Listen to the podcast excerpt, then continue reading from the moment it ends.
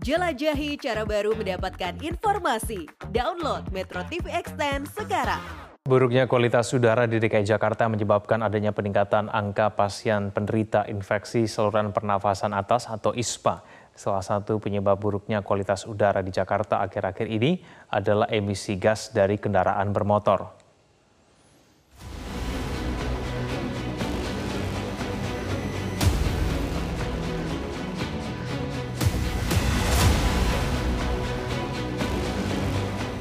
Kualitas udara di Jakarta memburuk akibat tingginya polusi udara yang disebabkan kendaraan bermotor, industri, dan aktivitas manusia lainnya.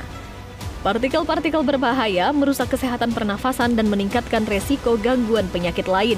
Kualitas udara Jakarta yang berada di angka tidak sehat berdasarkan data IQ Air buat angka laporan kasus ISPA mengalami peningkatan. Berikut data laporan kasus ISPA dari bulan Januari hingga Juni 2023.